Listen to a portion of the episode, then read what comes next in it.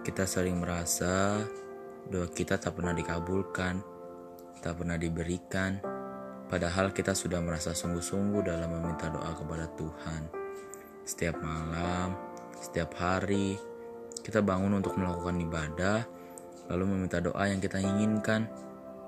Tapi entah kenapa, kita merasa sampai sekarang doa itu tidak pernah terwujudkan. Doa itu tidak pernah dinyatakan.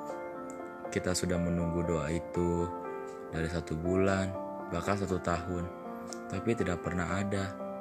Sampai kita frustasi dan tidak ingin berdoa lagi.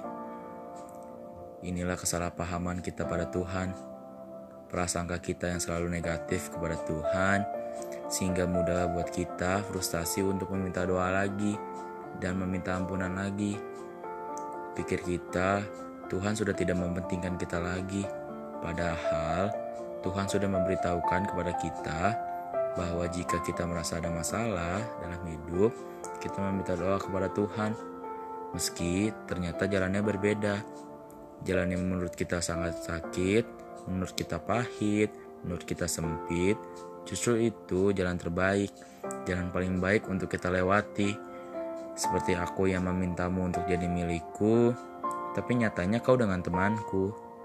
Saat itu, aku tidak bisa marah.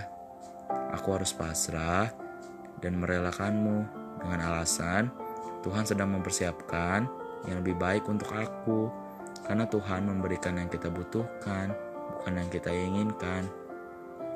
Jadi, ketika doa kita belum terkabul, jangan merasa sedih, jangan merasa putus asa, jangan merasa takut.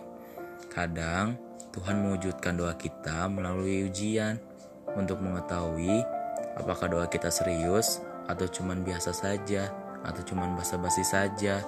Kita harus tetap yakin dan selalu berserah diri kepada Tuhan.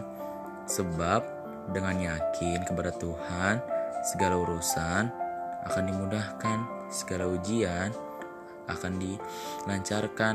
Aku yakin deh, kamu pasti bisa. Jangan menyerah, jangan berputus asa dalam berdoa. Kita bisa. Tuhan juga tahu yang mana serius hambanya. Ya, semangat.